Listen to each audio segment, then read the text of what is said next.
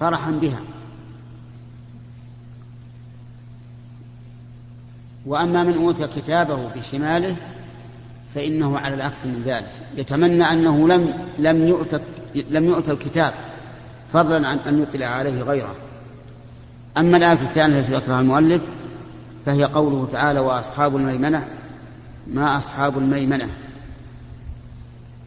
يعني وأصحاب المشأمة ما أصحاب المشأمة. فذكر الله سبحانه وتعالى أن الناس يكونون يوم القيامة ثلاثة أقسام. أصحاب الميمنة وأصحاب المشأمة والسابقون. السابقون هم المقربون. وأصحاب الميمنة ناجون. وأصحاب المشأمة هالكون. فهم يوم القيامة ثلاثة أصناف وهم كذلك عند خروج الروح من البدن ثلاثة أصناف. ذكر الله في في سورة الواقعة أحوالهم يوم القيامة وذكر في آخرها أحوالهم عند الاحتضار فقال فلولا إذا بلغت الحلقوم وأنتم حينئذ تنظرون ونحن أقرب إليه منكم ولكن لا تبصرون فلولا إن كنتم غير مدينين ترجعونها إن كنتم صادقين فأما إن كان من المقربين فروح وريحان وجنة نعيم. والمقربون هم السابقون الذين يسبقون إلى الخيرات في كل نوع من أنواع الخير. وأما إن كان من أصحاب اليمين فسلام لك من أصحاب اليمين. وأما إن كان من وأما إن كان من المكذبين الضالين فنزل من حميم وتصلية جحيم وهؤلاء هم أصحاب المشأمة والعياذ بالله. هم المكذبون الضالون. أعاذنا الله وإياكم من حالهم وأشار المؤلف رحمه الله هنا في في هاتين الآيتين إلى أن اليمين هم أصحاب الفضائل الدائمة لا في الدنيا ولا في الآخرة. ويأتي إن شاء الله بقية الكلام على هذا.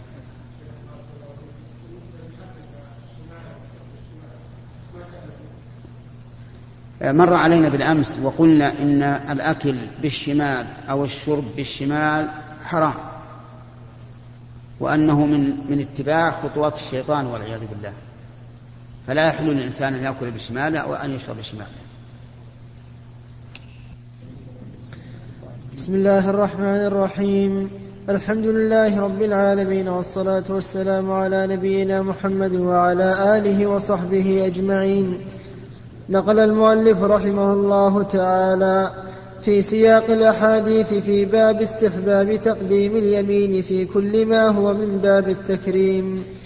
عن عائشة رضي الله عنها قالت كان رسول الله صلى الله عليه وسلم يعجبه التيمن في شأنه كله في طهوره وترجله وتنعله متفق عليه.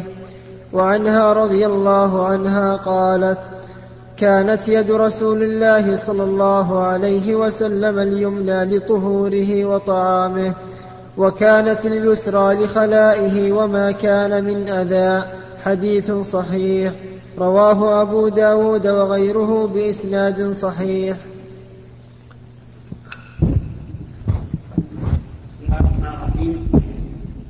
نقل المؤلف رحمه الله تعالى في باب استحباب تقديم اليمين فيما من شأنه التكريم. عن عائشة رضي الله عنها قالت كان النبي صلى الله عليه وسلم يعجبه التيامن في شأنه كله.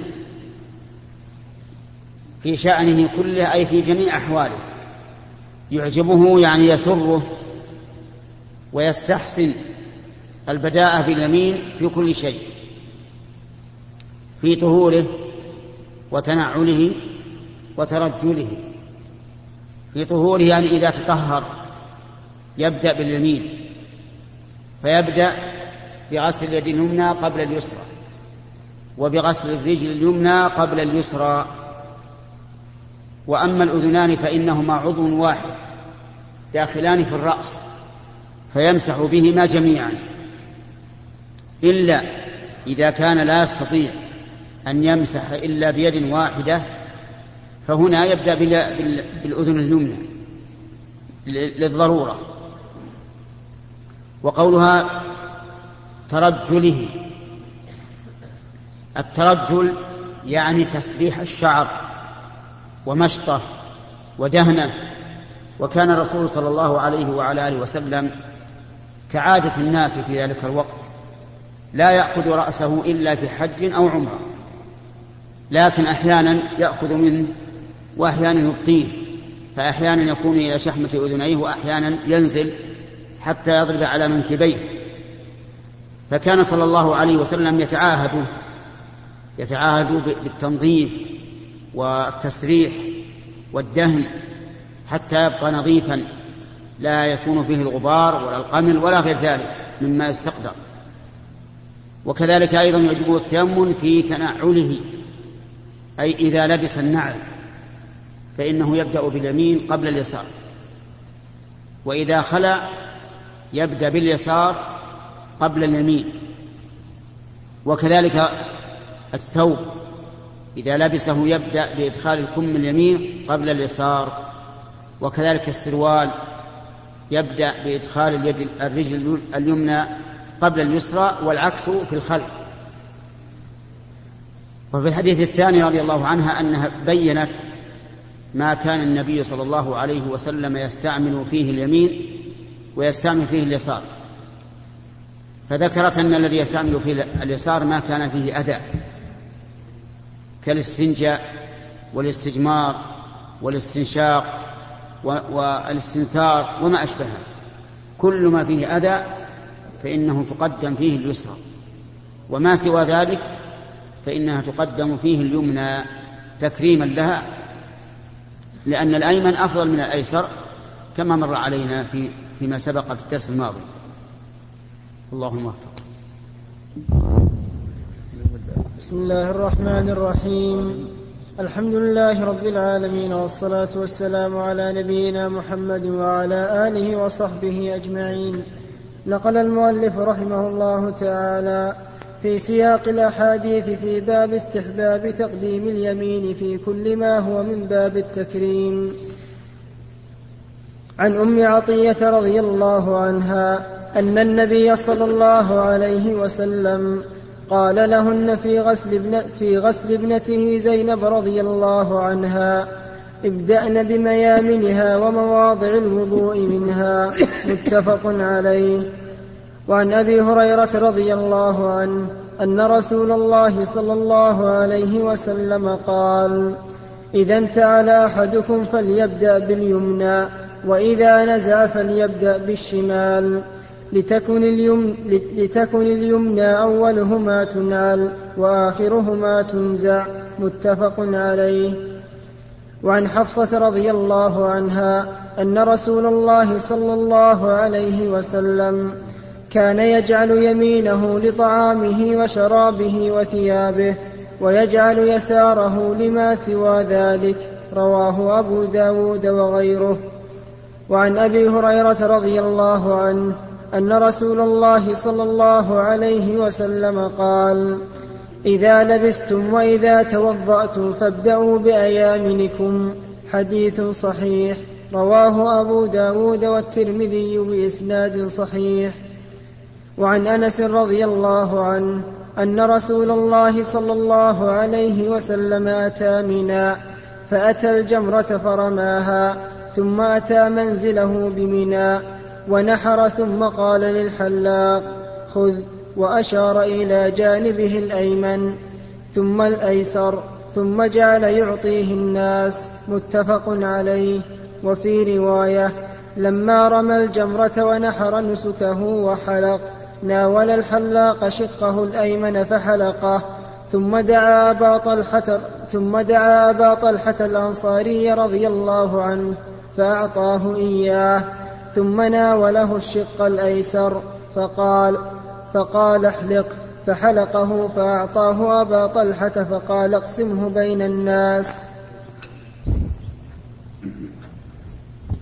بسم الله الرحمن الرحيم. هذه الأحاديث في بيان استحباب البداءة باليمين فيما طريقه التكريم وتقديم اليسار فيما طريقه الأذى والقدر كالاستنجاء والاستجمار وما أشبه ذلك. ذكر المؤلف عن أم عطية رضي الله عنها وكانت أم عطية من الأنصار من نساء الأنصار ولها أعمال جليلة. منها أنها تغسل الأموات من النساء. فماتت زينب بنت محمد صلى الله عليه وعلى آله وسلم. فحضرن ليغسلنها. فقال لهن النبي صلى الله عليه وعلى آله وسلم ابدأن بميامنها ومواضع الوضوء منها.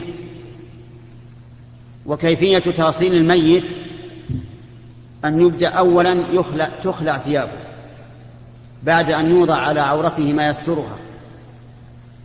ثم يضع الغاسل خرقة على يده فينجيه يعني يغسل فرجه القبل والدبر حتى ينظفه. ثم بعد ذلك يزيل هذه الخرقة ويغسل كفيه كما يتوضأ الإنسان في العادة.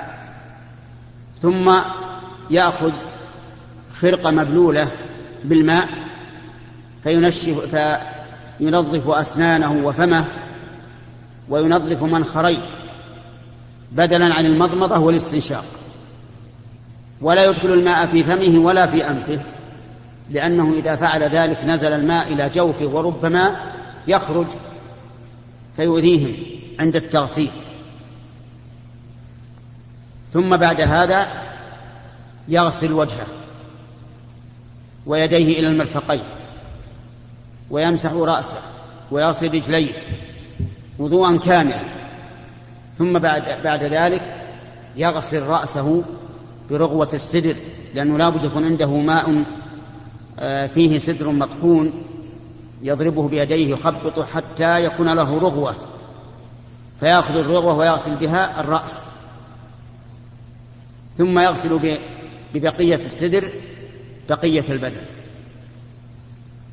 المرأة لا يغسلها إلا نساء حتى أبوها لا يغسلها ولا ابنها ولا أحد من محارمها إلا النساء أو الزوج. والرجل لا يغسله إلا الرجال. لا تغسله أمه ولا بنته ولا أحد من النساء إلا زوجته. فالزوج يغسل زوجته والزوجة يغسلها زوجها. وما سوى ذلك؟ لا يغسل الذكر الأنثى ولا الأنثى الذكر. حضرت النساء لتغسيل زينب بنت رسول الله صلوات الله وسلامه عليه. فقال عليه الصلاة والسلام ابدأن بميامنها يعني بالأيمن قبل الأيسر. اليد اليمنى قبل اليسرى والرجل اليمنى قبل اليسرى والشق الأيمن قبل الشق الأيسر. ومواضع الوضوء منها. ففعلنا ذلك. وجعلنا رأسها ثلاثة قرون. يعني ثلاث جدايل الجانب الأيمن قرن والأيسر قرن ووسط الرأس قرن. وألقينه خلفها. ثم أعطاهم أعطاهن النبي صلى الله عليه وعلى آله وسلم حقوة يعني إزارة. وقال أشعرنها إياه. يعني الففنه على جسدها مباشرة تبركا بإزار النبي صلوات الله وسلامه عليه. ففعلنا ذلك. والشاهد من هذا قوله ابدأنا بميامنها ثم ذكر المؤلف أحاديث فيها معنى ما تقدم كحديث أبي هريرة في لبس الثوب والنعل كذلك حديث صفية وغير وحديث أبي هريرة الثاني. ثم ذكر حديث أنس بن مالك رضي الله عنه في قصة حلق النبي صلى الله عليه وسلم في حجة الوداع. فإن النبي صلى الله عليه وسلم في حجة الوداع لما بات بمزدلفة وصلى الفجر وجلس يدعو حتى أسفر جدا ودفع قبل أن تطلع الشمس. ووصل إلى جمرة العقبة وقد ارتفع ارتفع النهار وصار للشمس حرارة فرمى الجمرة يوم العيد وذهب إلى منزله فدعا بالحلاق فحلق رأسه وأشار صلى الله عليه وسلم إلى الشق الأيمن فبدأ الحلاق بالشق الأيمن وكان النبي صلى الله عليه وسلم يعفي رأس اللح... شعر الرأس كما سبق. فكان رأسه كثيرا فبدأ بالشق الأيمن فحلقه ثم دعا أبا طلحة رضي الله عنه الأنصاري وأعطاه الشعر شعر الشق الأيمن كله شعر الشق الأيمن كله. ثم حلق بقية الرأس. ودعا أبا طلحة وأعطاه إياه وقال اقسمه بين الناس الشعر. فقسمه فمن الناس من ناله شعرة واحدة ومنهم من ناله شعرتان ومنهم من ناله أكثر حسب ما تيسر. لماذا؟ لأجل التبرك بهذا الشعر الكريم شعر النبي عليه الصلاة والسلام. وكون أبي طلحة خصه الرسول بالجانب الأيمن كله يدل على أن, أن من الناس من يختص بخصيصة يخصه الله بها وإن كان في الصحابة من هو أفضل منه فأبو بكر وعمر وعثمان وعلي وكثير من الصحابة أفضل من أبي طلحة لكن فضل الله عز وجل يؤتيه من يشاء. وكان الصحابة يتبركون بشعر النبي عليه الصلاة والسلام وبثيابه وبعرقه لكن غيره لا يتبرك بشعره ولا ثيابه ولا عرقه. وكان عند أم سلمة رضي الله عنها إحدى زوجات الرسول عليه الصلاة والسلام عندها شعرات من شعر الرسول عليه الصلاة والسلام. وضعتها في جلجل يعني طابوق من الفضة. وجعلته من الفضة تكريما لشعر الرسول عليه الصلاة والسلام. فكان الناس إذا مرض عندهم مريض جاءوا إليها وصبت على الشعر ماء وحركته ب... حركته ثم أعطته المريض فيشفى بإذن الله. ببركة شعر النبي صلى الله عليه وسلم. لكن هذا كما قلت ليس لغيره. فإن الصحابة لم يتبركوا بشعر أبي بكر. وهو أفضل الأمة بعد الرسول صلى الله عليه وسلم ولا بشعر عمر ولا غيره من الصحابة وكذلك من دونه لا يتبرك بشعره ولا بعرقه ولا بثيابه إنما ذلك خاص برسول الله صلى الله عليه وسلم. والشاهد من حديث أنس أن النبي صلى الله عليه وسلم أشار إلى الحلاق أن يبدأ بالجانب الأيمن فإذا حججت وأردت أن تحلق أو تقصر فابدأ بالجانب الأيمن. وكذلك لو حلقت حلقا عاديا ابدأ بالجانب الأيمن. والله الموفق بسم الله الرحمن الرحيم. الحمد لله رب العالمين والصلاة والسلام على نبينا محمد وعلى آله وصحبه أجمعين. قال رحمه الله تعالى كتاب أدب الطعام باب التسمية في أوله والحمد في آخره.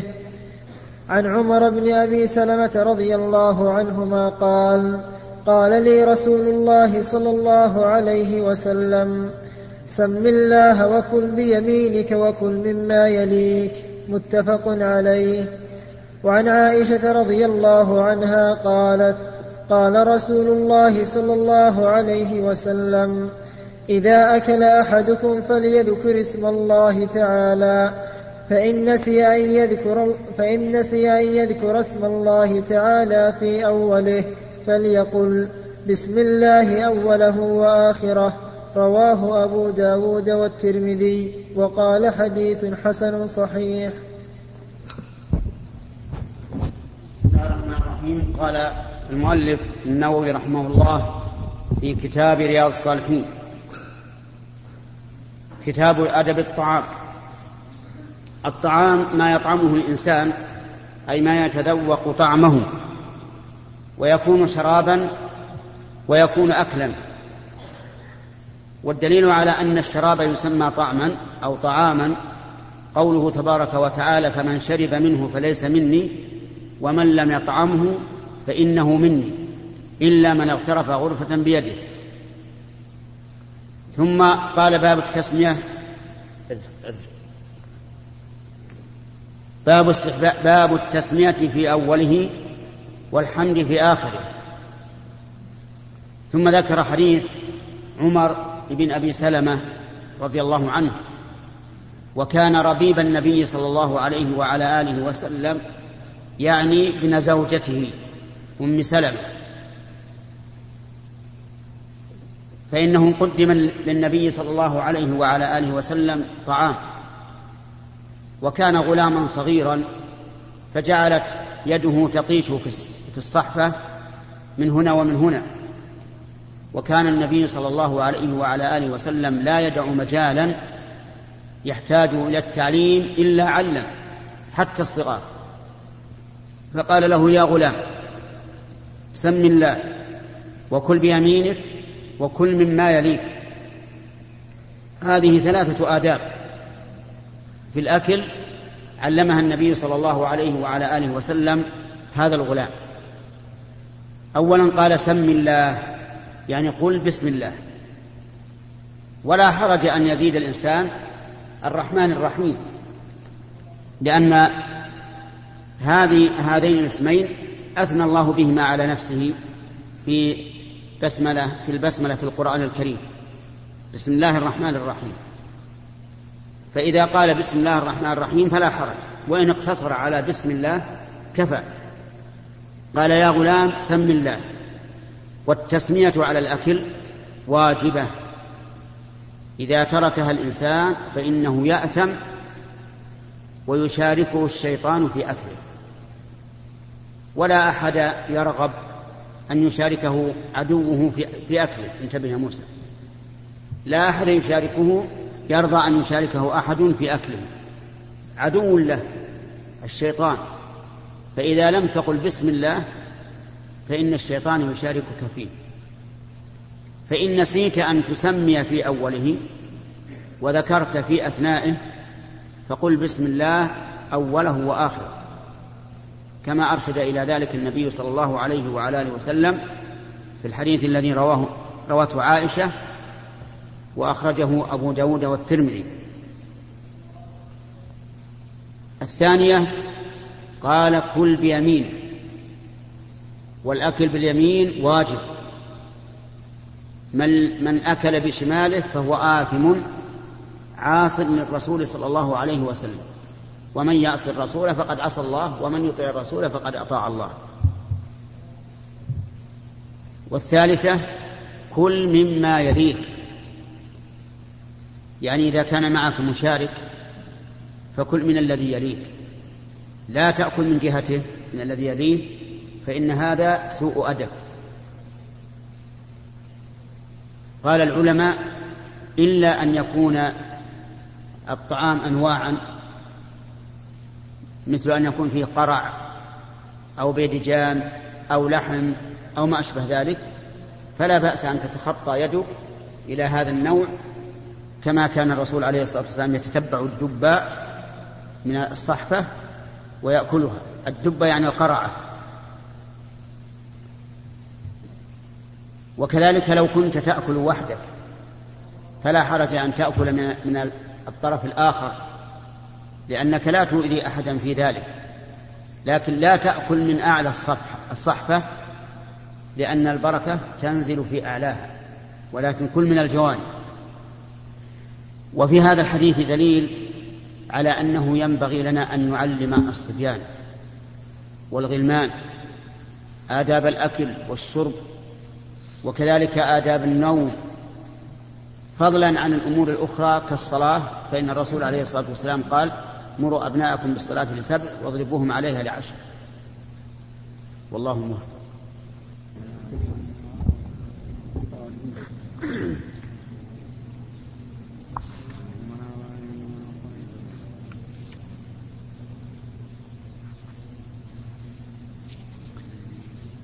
بسم الله الرحمن الرحيم.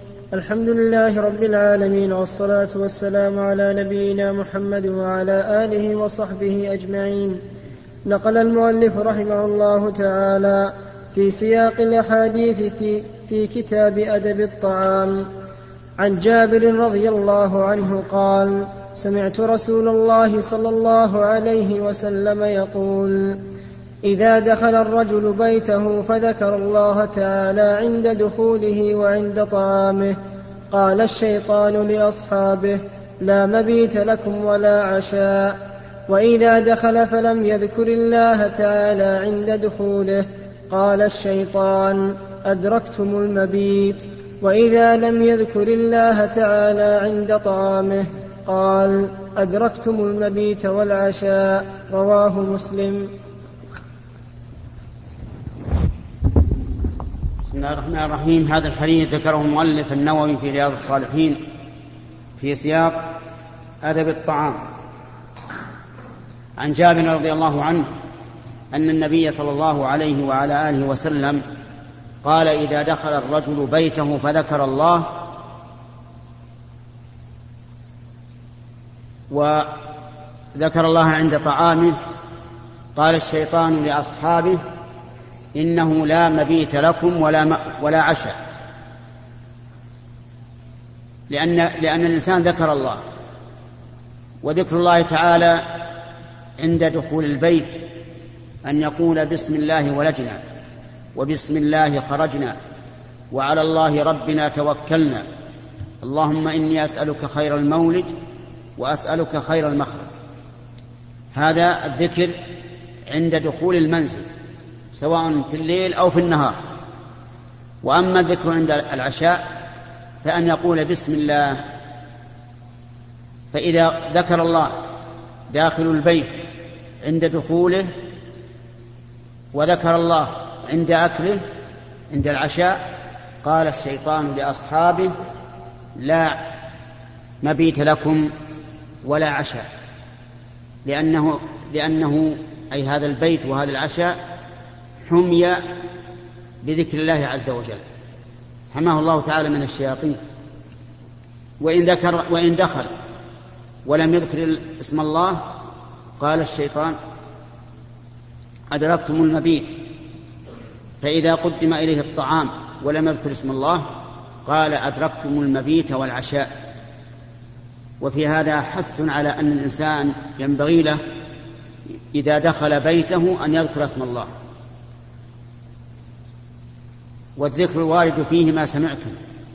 بسم الله ولجنا وبسم الله خرجنا وعلى الله ربنا توكلنا.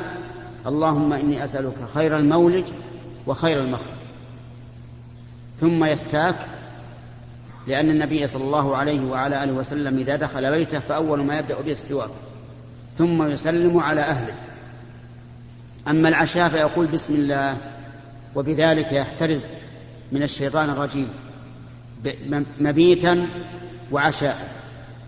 فإن ذكر اسم الله عند الدخول دون العشاء شاركه الشيطان في عشائه. وإن, وإن ذكر اسم الله عند العشاء دون الدخول شاركه الشيطان في المبيت دون العشاء.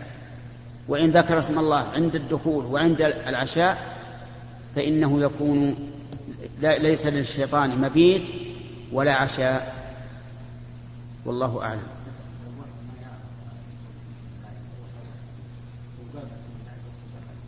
ربما إن شاء الله يكفي. إذا دخل بيتها قال بسم الله ربما يكفي إن شاء الله.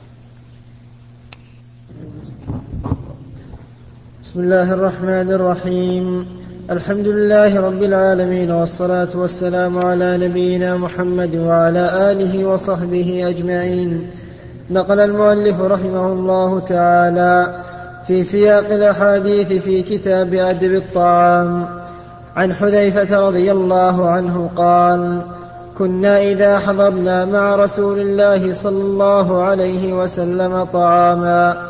لم نضع أيدينا حتى يبدأ رسول الله صلى الله عليه وسلم فيضع يده وإنا حضرنا معه مرة طعاما. فجاءت جارية كأنها تدفع فذهبت لتضع يدها في الطعام.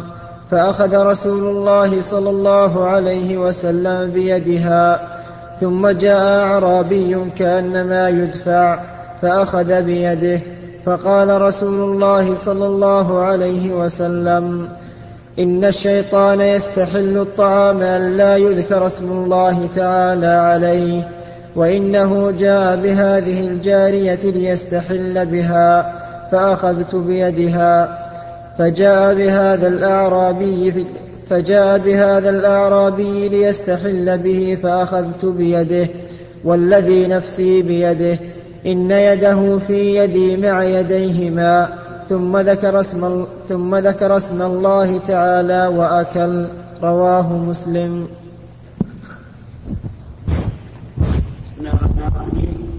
قال النووي رحمه الله في رياض الصالحين في باب أدب الطعام.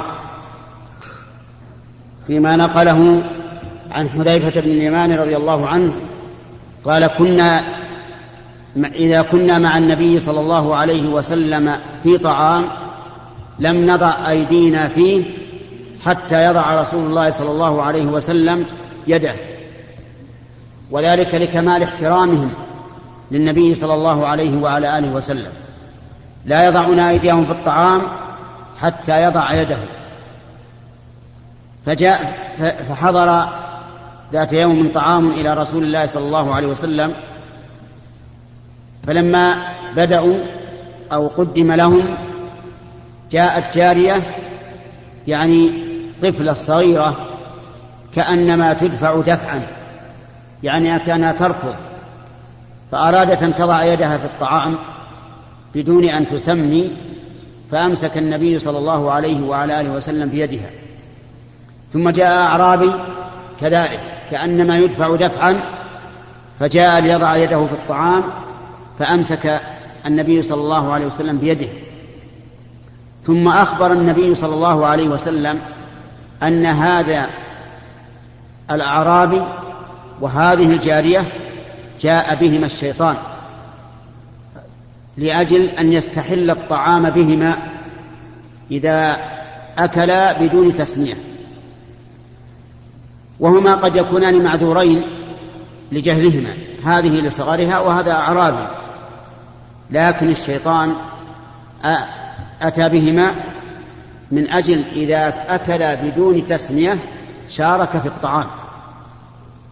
ثم أقسم النبي صلى الله عليه وسلم أن يد الشيطان في أيديهما في يد النبي صلى الله عليه وسلم.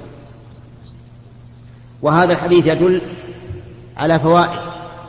منها احترام الصحابة لرسول الله صلى الله عليه وعلى آله وسلم وأدبهما وأدبهم معه. ومنها أنه ينبغي إذا كان فيه كبير في الطعام أن لا يتقدم أحد قبل أكله. يعني يجعلون الكبير هو الذي يأكل أولا لأن التقدم بين يدي الكبير غير مناسب وغير أدب. ومنها أن الشيطان يأمر الإنسان ويحثه ويزجره على فعل ما لا, ما لا ينبغي. وقد جاء في القرآن الكريم الشيطان يعدكم الفقر ويأمركم بالفحشاء. وقال تعالى يا أيها الذين آمنوا لا تتبعوا خطوات الشيطان ومن يتبع خطوات الشيطان فإنه يأمر بالفحشاء والمنكر. فدل هذا على أن الشيطان له إمرة على بني آدم والمعصوم من عصمه الله. ومنها أن أن الإنسان إذا أتى في أثناء الطعام فليسمي. لا يقول سمى الأولون قبلي يسمي ولكن إذا كانوا جميعا بدأوا بالطعام جميعا هل يكفي تسمية الواحد؟ إن كان الواحد سمى سرا فإن تسميته لا تكفي لأن الآخرين لم يسمعوها. وإن سمى جهرا ونوى عن الجميع فقد يقال إنها تكفي وقد يقال الأفضل أن كل إنسان يسمي لنفسه وهذا أكمل وأحسن. ومنها من فوائد هذا الحديث أن للشيطان يدا. لأن النبي صلى الله عليه وعلى آله وسلم أمسك بيده. ومنها أيضا آية من آيات الرسول عليه الصلاة والسلام حيث أعلمه الله تعالى بما حصل في هذه القصة أن الشيطان دفعهما دفع الأعرابي والجارية وأنه أمسك بأيديهم بأيدي الثلاثة بيده الكريمة صلوات الله وسلامه عليه. ومنها أنه إذا جاء أحد يريد أن يأكل ولم تسمعه سمى فأمسك بيده. أمسك بيده حتى يسمي لأن النبي صلى الله عليه وسلم أمسك بأيديهم ولم يقل سمي أمسك بأيديهم حتى يكون ذلك ذكرى لهم. يذكرون هذه القصة ولا ينسون التسمية في المستقبل. ومن فوائد هذا الحديث تأكد التسمية عند الأكل. والصحيح أن التسمية عند الأكل واجبة وأن الإنسان إذا لم يسمي فهو عاص لله عز وجل وراض بأن يشاركه في طعامه أعدى عدو له وهو الشيطان. فلذلك كانت التسمية واجبة فإن نسيت التسمية في أوله وذكرت في أثنائه فقل بسم الله أوله وآخره. والله موفق.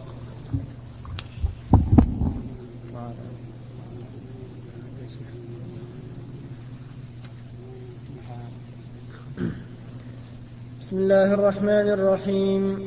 الحمد لله رب العالمين والصلاة والسلام على نبينا محمد وعلى آله وصحبه أجمعين. نقل المؤلف رحمه الله تعالى في سياق الأحاديث في, في كتاب أدب الطعام. عن أمية بن مخشي الصحابي رضي الله عنه قال كان رسول الله صلى الله عليه وسلم جالسا ورجل يأكل يسمي الله حتى لم يبق من طعامه لقمة. فلما رفعها إلى فيه قال بسم الله أوله وآخره. فضحك النبي صلى الله عليه وسلم ثم قال ما زال الشيطان يأكل معه. فلما ذكر اسم الله استقى ما في بطنه. رواه أبو داود والنسائي.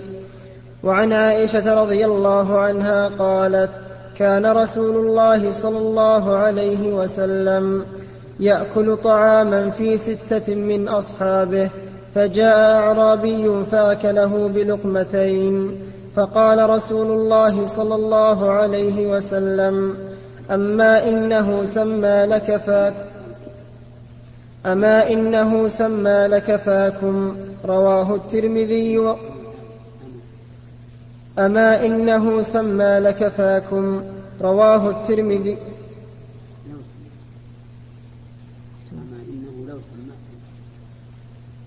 أما إنه لو سمى لكفاكم.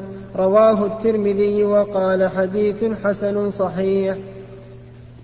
وعن أبي أمامة رضي الله عنه أن النبي صلى الله عليه وسلم كان إذا رفع مائدته قال الحمد لله حمدا كثيرا طيبا مباركا فيه غير مكفي ولا مستغنى عنه ربنا رواه البخاري.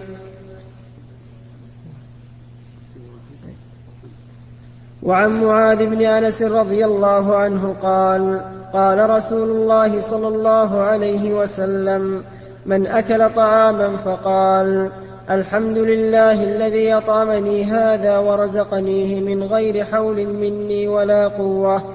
غفر له ما تقدم من ذنبه. رواه أبو داود والترمذي وقال حديث حسن. هذه الأحاديث في كتاب آدم الطعام ساقها النووي رحمه الله في رياض الصالحين. وفيها دلالة على أمور. أولا أن الإنسان إذا لم يسم الله على طعامه فإن الشيطان يأكل معه. لحديث أمية بن مخشي أن رجلا أكل طعاما فلم يسمي فلما بقي لقمة واحدة كأنه ذكر فسمى الله تعالى. فضحك النبي صلى الله عليه وعلى آله وسلم وأخبر أن الشيطان كان يأكل معه فلما ذكر اسم الله قاء الشيطان ما أكله. وهذه من نعمة الله سبحانه وتعالى أن الشيطان يحرم أن يأكل معنا إذا سمينا في أول الطعام وكذلك إذا سمينا في آخره. وقلنا بسم الله أوله وآخره فإنما أكله يتقيأه فيحرم إياه. وفيه دليل على أن الشيطان يأكل لأنه أكل من هذا الطعام وهو كذلك. فالشيطان يأكل ويشرب ويشارك الآكل والشارب إذا لم يسم الله تعالى على أكله وشربه. وكذلك ذكر حديث عائشة رضي الله عنها أن النبي صلى الله عليه وسلم كان يأكل في ستة نفر من أصحابه فجاء أعرابي فدخل معهم فأكل الباقي بلقمتين.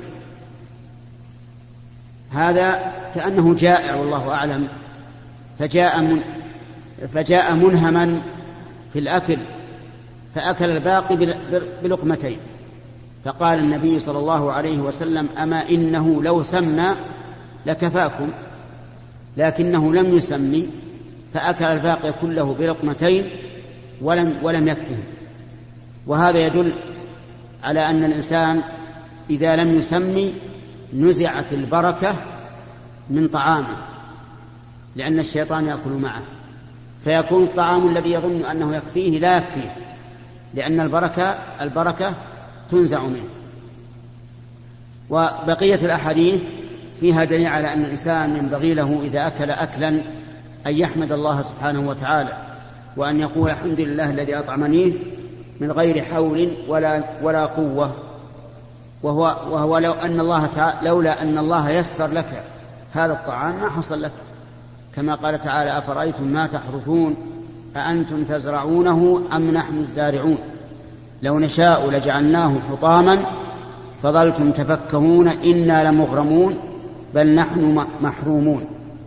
فالإنسان لولا أن الله ييسر له الطعام من حين أن يبذر ثم ينبت ثم يحصد ثم يحضر إليه ثم يطحن ثم يعجن ثم يطبخ ثم يسر الله له الأكل ما تيسر له ذلك. ولهذا قال بعض العلماء إن الإنسان لا يصل إن الطعام لا يصل إلى الإنسان ويقدم إليه إلا وقد سبق ذلك نحو مئة نعمة من الله لهذا الطعام. ولكننا أكثر الأحيان في غفلة عن هذا. نسأل الله أن يطعمنا وإياكم الطعام الحلال وأن يرزقنا شكر نعمته إنه على كل شيء قدير. غير مكفي ربنا ولا مستغني عنه. يعني معناه أننا لا نستغني عن الله عز وجل. ولا أحد يكفينا دونه. فهو, فهو حسبنا وهو رازقنا جل وعلا. بسم الله الرحمن الرحيم. الحمد لله رب العالمين والصلاة والسلام على نبينا محمد وعلى آله وصحبه أجمعين. قال رحمه الله تعالى باب لا يعيب الطعام واستحباب مدحه. عن أبي هريرة رضي الله عنه قال ما عاب رسول الله صلى الله عليه وسلم طعاما قط. إن اشتهاه أكله وإن كرهه تركه. متفق عليه. وعن جابر رضي الله عنه أن النبي صلى الله عليه وسلم سأل أهله الادم فقالوا أن النبي صلى الله عليه وسلم سأل أهله الأدم فقالوا ما عندنا إلا خل. فدعا به فجعل يأكل ويقول نعم الأدم الخل نعم الأدم الخل رواه مسلم.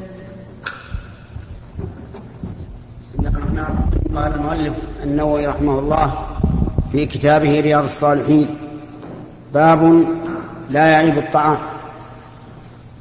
واستحباب مدحه. الطعام ما يطعم من مأكول ومشروب.